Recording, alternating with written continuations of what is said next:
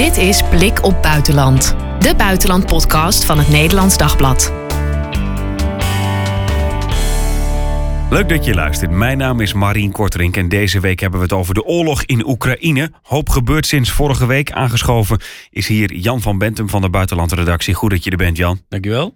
Ja, berichten die deze week uit Rusland uh, deze kant op komen. Jij schrijft erover. Uh, over. Russische regering beweert dat Oekraïne een vuile kernbom op eigen gebied wil inzetten als provocatie. Volgens mij was dat de kop van jouw artikel. Ja, klopt. Uh, dat roept al zoveel vragen op, denk ik ook bij luisteraars. laten we even bij het begin beginnen. Wat is eigenlijk überhaupt een vuile atoombom? Een vuile bom, dat is nucleair materiaal. Het zou bijvoorbeeld uit een kerncentrale kunnen komen of een niet goed afgebouwde kernbom. Um, die je met gewone explosieven tot explosie brengt, zodat het radioactieve materiaal zich verspreidt. En het gebied, ja, dat wordt erdoor vergiftigd. En je kunt het bij wijze van spreken een uh, door de mens gecreëerde ramp aan het Tsjernobyl uh, noemen. En dus dat radioactief uh, spul de hele omgeving voor decennia onleefbaar maakt. Ja, dus je gooit eigenlijk een, een vuile bom neer en daar dan een, een normale bom tussen haakjes nou, op. Het gaat bij elkaar, dat doe je bij elkaar in en dan met de explosie verspreidt zich het radioactieve materiaal. Ja. Nou beweert Rusland dit dus. Uh, klopt het ook?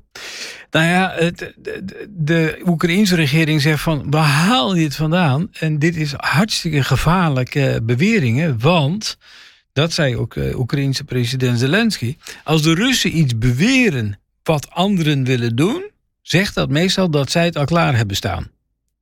En dat is iets wat je ook in de geschiedenis wat terugziet. Bijvoorbeeld de Russische betrokkenheid bij de burgeroorlog in Syrië. En dan had je van die berichten in de Russische pers dat de Witte Helmen, nou die zijn een hele bekende hulporganisatie die slachtoffers van bombardementen onder de puin weghalen, dat de Witte Helmen dan bezig waren om chloorgas van, van, van die gascilinders en die grote drukflessen uh, naar een gebied te slepen als voorbereiding op een valse vlagaanval. Dat zou dus nu ook in Oekraïne gebeuren. Dan zou er zo'n vuile bom afgaan.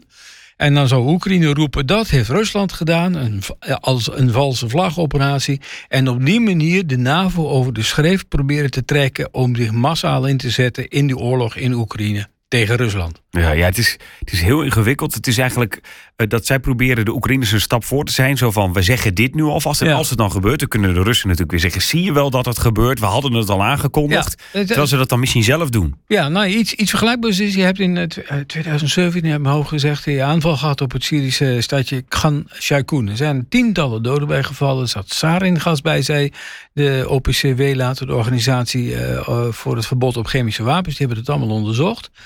Um, nou, Rusland zei van, uh, ja joh, er is gewoon een, een magazijn de lucht in gegaan, al dan niet bij een aanval van die terroristen die daar chemische oorlogstuigen hadden opgeslagen. Uh, de Syrische regering zei van, nee, dit was een, dit hebben ze zelf gedaan. Ze hebben zelf dat gebied aangevallen. Ze willen ons de schuld geven, terwijl toch redelijk uh, duidelijk werd dat het een aanval was van de Syrische luchtmacht, bondgenoot van Rusland tot en met van vandaag de dag. Ja. En dat, dat soort verhalen had je daar heel vaak. En als dus zo'n verhaal de lucht in kwam, nou, dan begon de angst er wel van: het zou wel eens kunnen zijn dat er een aanval daar komt, maar dan juist door de andere partij. Ja, dus nu als je dit dan hoort van Rusland zegt van Oekraïne ja. wil iets gaan doen, dan denk je indirect, misschien wil Rusland zelf wel wat gaan doen om dan vervolgens de schuld bij Oekraïne neer te ja, leggen. dat was ook meteen de reactie van. Uh, nou, even de minister van Defensie van Rusland heeft gebeld met zijn collega's van Groot-Brittannië, Frankrijk, Turkije en de Verenigde Staten. Ik vind het altijd hoopgevend trouwens, als, als die landen in ieder geval contact hebben. Maar is dat nou ja, dat was voor het eerst in maanden dat hij weer belde. Behalve de, de Amerikaan, die had hij uh, vrijdag ook al gebeld. Austin, de minister van Defensie daar. Um, en dat was al sinds mei dit jaar niet meer voorgekomen. Dus dat, dat, ja, in de zekere zin kun je zeggen, hè, er is weer contact. Maar aan de andere kant, het was dus zijn stellige bewering dat Oekraïne die vuile bom aan het maken was. En dat, dat, dat er allerlei aanwijzingen waren dat dat zou worden ingezet. Nou, die ministers die hebben natuurlijk meteen contact met elkaar gezocht. En uh, Amerika, uh, Frankrijk en Groot-Brittannië, de drie westerse nucleaire machten. De andere twee in de, de Veiligheidsraad van de VN zijn China en Rusland. Maar de drie westerse nucleaire machten hebben een verklaring uitgebracht van... dit zijn ongelooflijk doorzichtige beschuldigingen. Geen mens gaat dit geloven. En gemeente, als je het zelf gaat doen... Hè, dan zal er een hele felle reactie komen. Nou, nu, de volgende stap was, en dat staat dus niet in het artikel waar ik toen mee bezig was, maar dat is dat de bevelhebber van het Russische leger, generaal uh, Gerasimov, waar we heel lang niks van hadden gehoord. Behalve hebben we het vorige week nog over gehad, dat we ja, die amper meer zien. Inderdaad. Ja, in mei was hij gewond geraakt uh, bij een bezoek in, in, aan het front in Oekraïne. En daarna was hij behoorlijk uit het beeld verdwenen. Uh, maar die was dus gisteren ook in de telefoon geklommen. Uh, en die heeft zijn collega's in Groot-Brittannië en de Verenigde Staten gebeld. met hetzelfde verhaal als zijn minister van Defensie. Met andere woorden, het Kremlin blijft erover doorstampen. De minister van Buitenlandse Zaken, Lavrov, het gaat dus steeds hoger, hè? Eh, de minister van Buitenlandse Zaken, Lavrov, heeft gezegd... er moet een vergadering komen van de VN-veiligheidsraad. En de Russische ambassadeur bij de VN heeft een brief op hoge poten gestuurd... aan de secretaris-generaal van de VN... dat de VN alles eraan moet doen om die aanval door Oekraïne te voorkomen. Nou, dinsdag, vergadering van de Veiligheidsraad achter gesloten deuren. Ook, ook vaak Russische eis...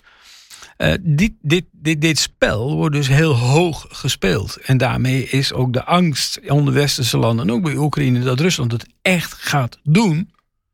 Een, een zogenaamd low yield weapon, een, een nucleair wapen met een lage explosieve slagkracht, maar wel met veel radioactieve vervuiling, dat ze dat echt gaan inzetten. Ja, hoe, hoe, groot is die kans geworden? Ja, dat is altijd lastig om te zeggen van 50% bij wijze van spreken. Maar ik, jij bent er wel banger op geworden, toch? Nou, ik, ik, schrok wel toen ik in uh, maandagochtend... Uh, je, je, wilt wel eens over wat anders schrijven dan, uh, dan over Poetin en over Oekraïne en die oorlog. Maar dan ga je dus toch even naar de Russische staatspers. Denk aan TAS, aan Rio Novosti, aan Sputnik News, aan, aan RT. het, zijn, het zijn allemaal bronnen overigens die je officieel niet vanuit Europa zou moeten kunnen lezen een blokkade, maar goed, het gaat redelijk vlot als je de goede wegen weet. Ja, die stonden er allemaal vol mee. Allemaal, op de voorpagina. Oekraïne, vuile bom, uh, gevaarlijk. En uh, nou, wij waarschuwen het Westen ja, dan, dan, dan kookt er wat in het Kremlin. Dan, wordt er iets, uh, dan staat er iets op het vuur waarvan je denkt dat is tamelijk giftig mengseltje. Ja, wat, eh, is daar dan ook iets over te lezen? Wat er in het Kremlin op de, dit moment dan ja, gebeurt ja, ja. Uh, Russische pers heeft ook uh, de woordvoerder van Kremlin, Dmitri Peskov, gevraagd. Van, ja, wat, wat zien er wel aan van? En wat denken de westerse landen van dit verhaal? Die hadden natuurlijk wel gehoord dat westerse landen hadden gezegd van dit slaat helemaal nergens op. Um, en Dimitri Peskov zegt van dit, dat het absoluut het geval was. De dreiging is absoluut reëel, zei hij. Oekraïne heeft daarna een goede zet gedaan. Heeft onmiddellijk het internationaal atoomagentschap uitgenodigd. Want Rusland noemde bij name drie plekken waar dan Oekraïne zou bezig zijn die bom te bouwen. Dat was nou het mijnstadje. Dat was het uh, uh, Nucleaire Onderzoeksinstituut in Kiev.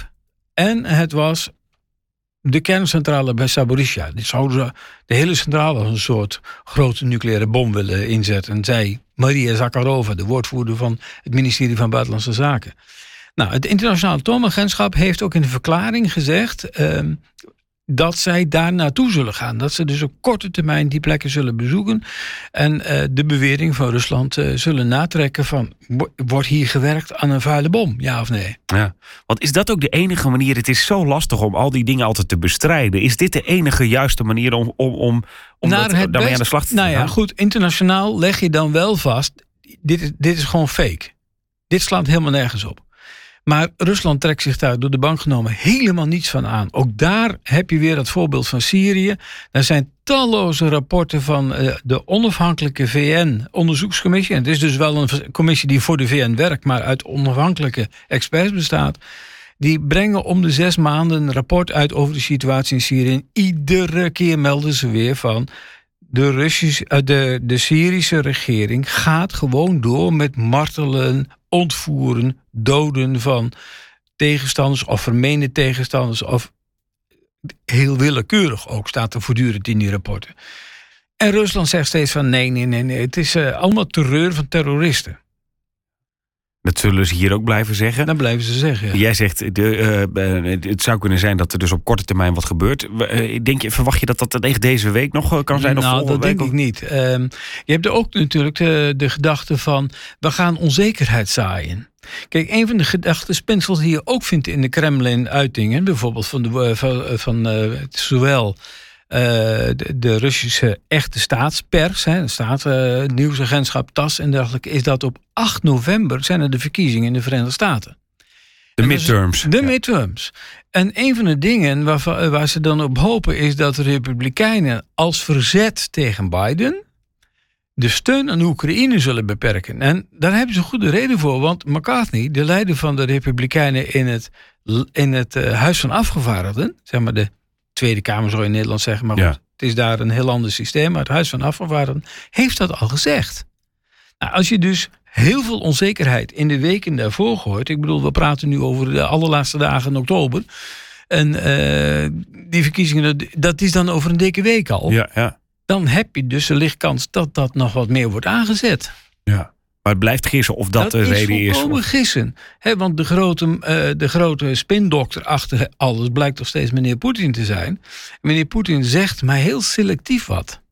En wat hij dus in het verleden heeft gezegd, denk aan die verklaring op 24 februari, toen hij die Russische aanval op Oekraïne eh, uitlegde aan zijn volk en ook internationaal, was dat dat wel nodig was om een grote genocide op miljoenen te voorkomen. Nou ja, ook dat. Waar genocide in Oekraïne? Ja, er was al acht jaar een burgeroorlog. Gevoerd met name door rebellen, pro-Russische rebellen, gesteund door Rusland. Hoe wil jij een genocide voorkomen als je zelf al acht jaar een burgeroorlog in de benen houdt? Eh, maar dat soort vergelijkingen, dat baart natuurlijk westerse beleidslieden wel degelijk zorgen. Ja. Jij zegt Poetin is de grote spindokter. Uh, we horen het niet heel vaak van hem.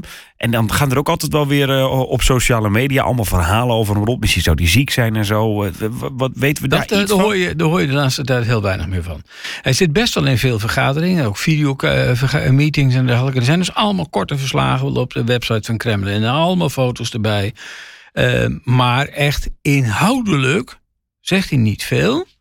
Al is er wel een bijeenkomst deze week van de Valdai Discussion Club. Dat is een soort uh, ja, uh, bijeenkomst met allerlei deskundigen in Rusland. En dat is wel het forum waar, waar hij vaak gaat zeggen wat hij denkt en wil. En wellicht van plan is om te gaan doen. Dus dat is op dit moment nog eventjes een paar dagen wachten. Ja. Nou zei jij net eh, Gerasimov, daar hebben we weer wat van, uh, van gehoord. Is dat dan hoopgevend? Want vorige week hadden we het over, er zijn drie mensen die beslissen over nucleaire wapens. Dat is Poetin, dat is Gerasimov uh, en dat is Shoigu, denk ik. Hè? Shoigu? Nee, dat is dus niet uh, Shoigu, de minister van Defensie. Nee, dat is niet hoopgevend dat Gerasimov nu in dit verhaal meegaat.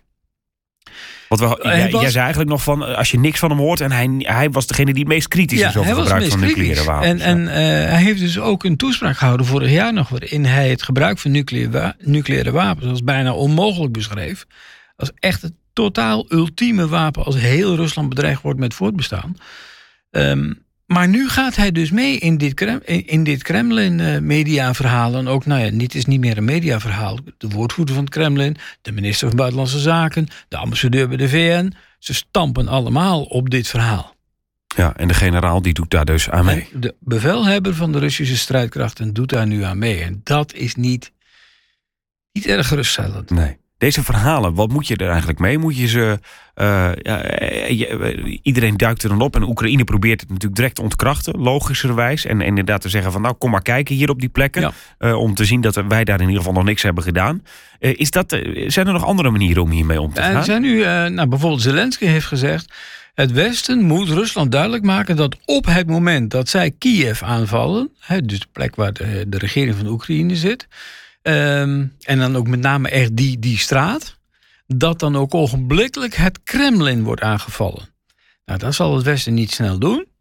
Maar aan de andere kant heb je dus die verklaring ook van iemand als Josep Borrell, de buitenlandvertegenwoordiger van de EU. Als Rusland dit soort inzet zou plegen van een nucleair wapen, in welke vorm dan ook, in Oekraïne. Dan zal dat tot onvoorstelbare uh, gevolgen leiden voor Rusland en Waarbij Borrell dus zei, de, totaal, de vernietiging van de Russische strijdkrachten. Ja. Uh, annihilation, zei hij het in het Engels. Dus dat, dat, dat is echt, ja, uh, totaal uit. Daar blijft er niks meer van over. Nee, blijft er niks van over. Ja. Uh, dat is een beeld wat het Westen niet helemaal onbekend is. Het is gebeurd in de jaren tachtig in de zogenaamde tankeroorlog. Daarbij viel Iran westerse tankers aan in de Perzische Golf en in de straat van Hormuz. En toen heeft uh, de Amerikaanse luchtmacht en marine hebben in een dagtijd zo ongeveer de hele toenmalige Iraanse benzine, uh, marine ja, weggevaagd. Ja. Gewoon vernietigd. Um, nou zei jij, deze week is er ook nog een vergadering van de Veiligheidsraad achter gesloten deuren. Um, hoe gaat het daaraan toe eigenlijk? Want het is heel lastig, lijkt mij. Als in, het gaat me niet per se om de inhoud, maar die partijen die staan lijnrecht tegenover elkaar. Ja. En, en die zitten dan ja, in een videocall met z'n allen? Nou, nee, ook letterlijk in dezelfde vergaderzaal. Oh, en, ehm, met name de Amerikaanse ambassadeur die er nu zit, is best wel pittig in haar uitspraken. Maar uh, we weten uit het verleden, Nederland is lid geweest van de Veiligheidsraad in 2018. En daar zat Karel van Oostrom, Nederlandse diplomaat. Um, die, er is een bekend uh, fotootje van hem. Dan, speel, uh, doet hij een potje voetbal volgens de foto met de Russische ambassadeur bij de VN. Nou, dat was alleen maar de bal terugschoppen, zei hij later. Want diezelfde Russische ambassadeur, toen nog Vitaly Churkin, had echt knallende ruzies. En waarbij Van Oostrom even hard terugschreeuwde als die Russische ambassadeur schreeuwde. Um, de spanningen waren zo hoog dat een Afrikaanse collega van, van Oostrom uh, tijdens die, dat, dat vergaderjaar aan een hartaanval is overleden. Um, en ook de overigens Russische ambassadeur zelf heeft zijn termijn niet volgemaakt, is ook overleden. Dus uh, dat, dat gaat er snoeihard aan toe soms. Ja. Echt snoeihard. Misschien dat daarom ook die, die gesloten deuren een Russische eis zijn. Om dat niet te laten zien hoe men zich massaal en keihard tegenover de huidige ambassadeur in Benzia op, eh, opstelt. Ja. En die diplomaten, die ambassadeurs, zeg maar, hoe groot is hun rol dan weer? Want die gaan dan natuurlijk met wat ze daar hebben eh, besproken terug naar. Is Poetin dan dat hij direct eh, tien minuten na de vergadering belt van, nou, hoe was het? Of? Nou, of binnen tien minuten een rapport krijgt. Ja. Uh, want uh, de, de, de, ambassadeurs die daar zitten, hebben een soort ministeriële volmacht om te spreken namens hun land. Dus dat is echt best wel uh, ja, hoog niveau. Um, en zeker als je dat in de Veiligheidsraad doet. En dat is het ultieme uh, beslisorgaan over bijvoorbeeld inzet van veiligheidsmissies of zware sancties of wat er ook maar uh, ter beschikking staat aan de Veiligheidsraad. Met één zware zwarte notitie daarbij. Rusland heeft het vetorecht. Ja. En bijvoorbeeld, even weer terug naar dat Syrië. Uh, al die misdaden wilden veel VN-lidstaten voorleggen aan het internationaal strafhof. Daar was ook Nederland heel sterk voor en Rusland heeft dat geblokkeerd met, jawel, een veto. En China? China steunde dat. Of onthoudt zich van stemming, of steunt Rusland. De keren dat China iets anders heeft gestemd dan Rusland, nou, dat, ik zou heel diep eh, weg moeten graven om, om te kijken waar dat gebeurd is. Of in ieder geval niet mee hebben gestemd met uh, andere landen. Ja. We blijven dat uh, nieuws natuurlijk daar volgen. Uh, ander nieuws waar, ben je nog, mee, waar jij nog mee bezig bent geweest: Turkije. Ja, er is eh, een rapport verschenen van Human Rights Watch. Die hadden enkele tientallen Syrische vluchtelingen gesproken die door Turkije, met, bij wijze van spreken letterlijk met pistool tegen het hoofd, terug zijn gestuurd naar Syrië. Ook al hadden ze een tijdelijke verblijfsvergunning. Ze werden willekeurig gearresteerd, thuis, op het werk, zelfs op straat, inclusief sommige kinderen, gevallen van 16 en 17 jaar. Teruggebracht naar een zogeheten vertrekcentrum dan. Die, meerdere van dat soort centra zijn gebouwd met Europese steun, by the way. En daar moesten ze dan een verklaring ondertekenen, waarbij in sommige gevallen de, de, de, de agenten de hand op de Arabisch geschreven tekst hielden. Want het was dan een vrijwillige verklaring van vertrek. Anderen werden net zo lang in elkaar geslagen tot ze dat wel wilden tekenen uiteindelijk. En daarna terug naar Syrië. Waar komt dit verhaal ineens vandaan? Nou, dit, dit verhaal is er al, al vaker geweest. Eh, we hebben er ook al eens een keer eerder over geschreven, één of twee jaar terug. Dat waren er ook een aantal gevallen dat mensen gedwongen en, en met uh, echt letterlijk uh, at gunpoint, hè, met, met, met geweren tegen het hoofd zijn teruggestuurd. dit is dus een systematischer aanpak, kennelijk. En lijkt te zijn verbonden aan het feit dat de oppositiepartij, met name de CHE, de, de CHP, de meer nationalistische partij in Turkije, hamert op de onvrede in Turkije over de economische toestand. Er is een, er is een crisis gaande, een economische crisis, een enorme devaluatie van de Turkse munt ook.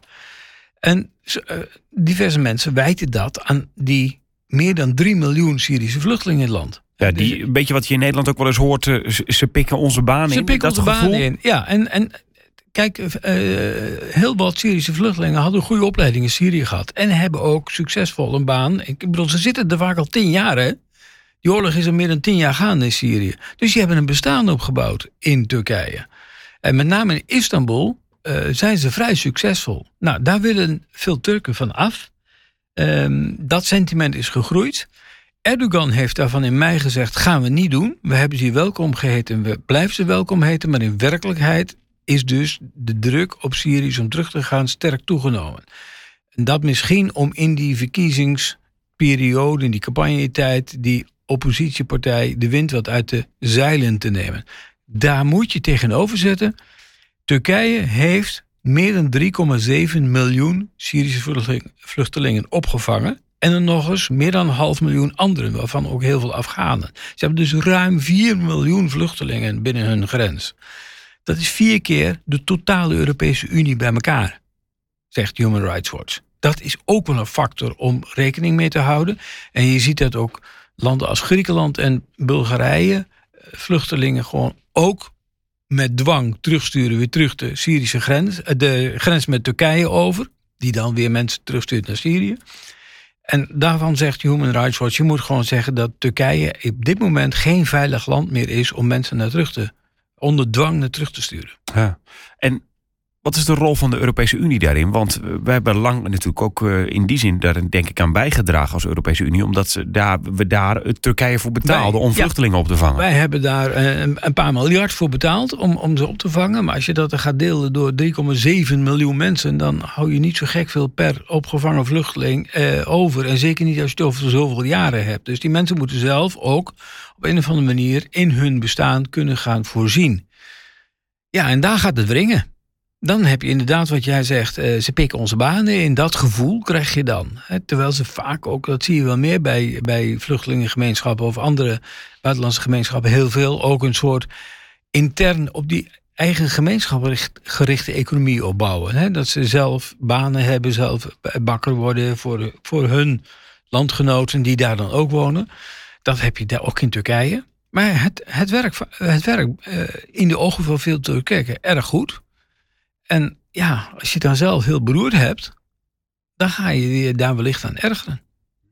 Wordt dit nog op de agenda gezet op een bepaalde manier? Want hoe nou dat gaat, het is natuurlijk onmenselijk. Ja, nou, het zal natuurlijk al in, in politieke discussies binnen de Europese Unie aan de orde komen. Ook omdat je nog vrij recent, eh, eerder deze maand, dat eh, incident hebt gehad met die 13 eh, naakte mannen die door Turkije terug werden gestuurd met, naar, naar eh, Griekenland. Die hadden dus helemaal niks meer bij zich. Gewoon nada. Geen portemonnee, geen telefoon, geen kleren. Helemaal naakt de grens overgejaagd. Nou, die heeft Griekenland dan wel opgevangen.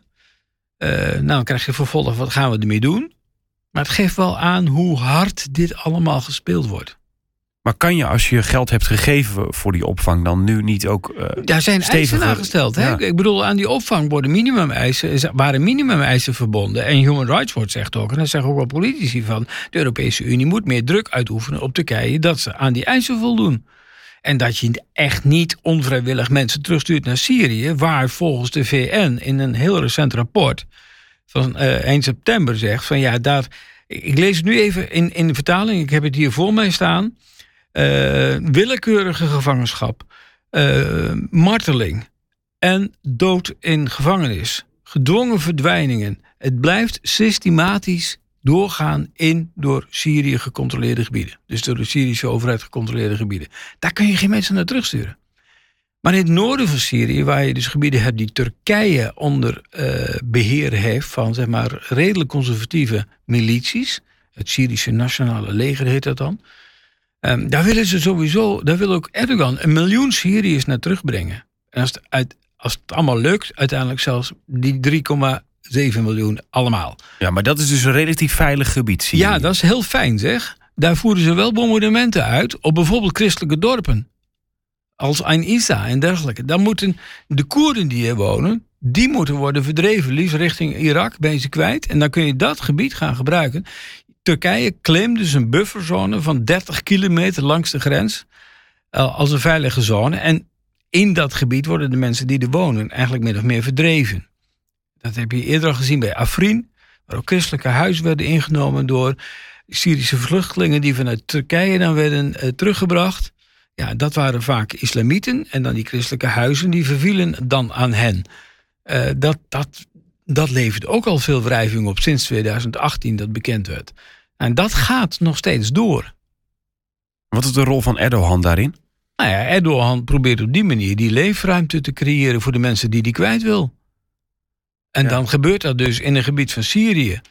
Uh, waar Assad geen zeggenschap over heeft. Maar er zit nou wel een. Uh, ja, want dat klinkt in. Als, waar Assad geen uh, zeggenschap over heeft. Dat klinkt in die zin gunstiger. Ja, maar jij zegt dat is relatief. Ja, tot, tot nu zo'n beetje. Wat je wat ziet is. Erdogan is altijd heel fel op Assad. Die moest weg. Dat was een stellige overtuiging. Hij was een dictator die mishandelde zijn volk. Die moest weg.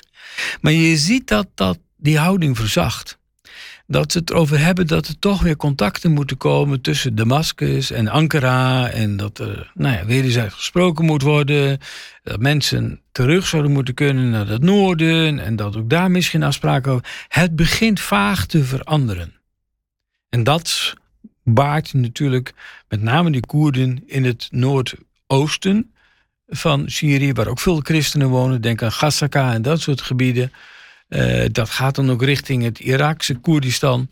Uh, dat baart de mensen daar heel veel zorgen. Ja, en, en daarom tegelijk ook met, met die aanvallen op de dorpen en de steden daar. Die zijn reëel. En daarom willen die Syriërs daar natuurlijk ook niet naar terug op dit moment. Nee, nee, dat moet eerst in Turkse handen zijn. Of in handen van Syrische milities die door Turkije worden gesteund. En waarbij je soms mensen uh, kunt vinden die eerder ISIS hebben gesteund. Want dat zijn heel orthodox-islamistische milities die Turkije inzet. En dat past dan weer bij de islamitische agenda van Erdogan. Ja. En om wat voor aantallen gaat het dan per dag of per week, uh, zeg maar, die worden uitgezet op deze manier? Weten we niet. Uh, de mensen die uh, Human Rights Watch heeft gesproken, die spreken dat bij uh, nou, elk zijn ze dus individueel uitgezet, maar ze waren in groepen van tientallen en soms honderden mensen die uh, werden gedwongen terug te gaan. Er zijn twee grensovergangen en bij die grensovergangen waren vorig jaar sprake van 15.000 respectievelijk 8.000 in beide gevallen ruim 15.000, ruim 8.000 mensen die teruggingen naar Syrië. Nou, dan van die 23, 24 en sommigen zeggen 25.000 mensen. De VN heeft ook zo'n soort cijfer. Het ligt ook in die buurt. Er zullen een aantal mensen zijn die echt vrijwillig terug willen, want die willen terug naar hun stad. Die, uh, die zien ook geen toekomst in Turkije op deze manier. Dat, dat speelt natuurlijk ook mee. Uh, maar dus, ja, welk deel daarvan niet vrijwillig is, gedwongen is, desnoods na uh, mishandeling, dat is dus nog niet echt bekend. Daar zou je nu over moeten gaan praten met Turkije. Van, heb je daar enig gezegd op? Dit kan niet, dat ten eerste. Ten tweede, je schendt de afspraken met de Europese Unie op dit terrein. En drie, ja, hoeveel mensen zijn op deze manier al teruggejaagd? We gaan zien eh, of dat eh, gesprek deze week nog gaat plaatsvinden tussen de Europese Unie en Turkije. Dankjewel Jan voor deze week. Dit was Blik op Buitenland. Heb je een vraag of wil je reageren? Laat het weten via podcast.nd.nl. En ben je enthousiast over deze podcast? Laat dan een review of een recensie achter. Dat maakt het voor anderen weer makkelijker om ons te vinden. Tot volgende week.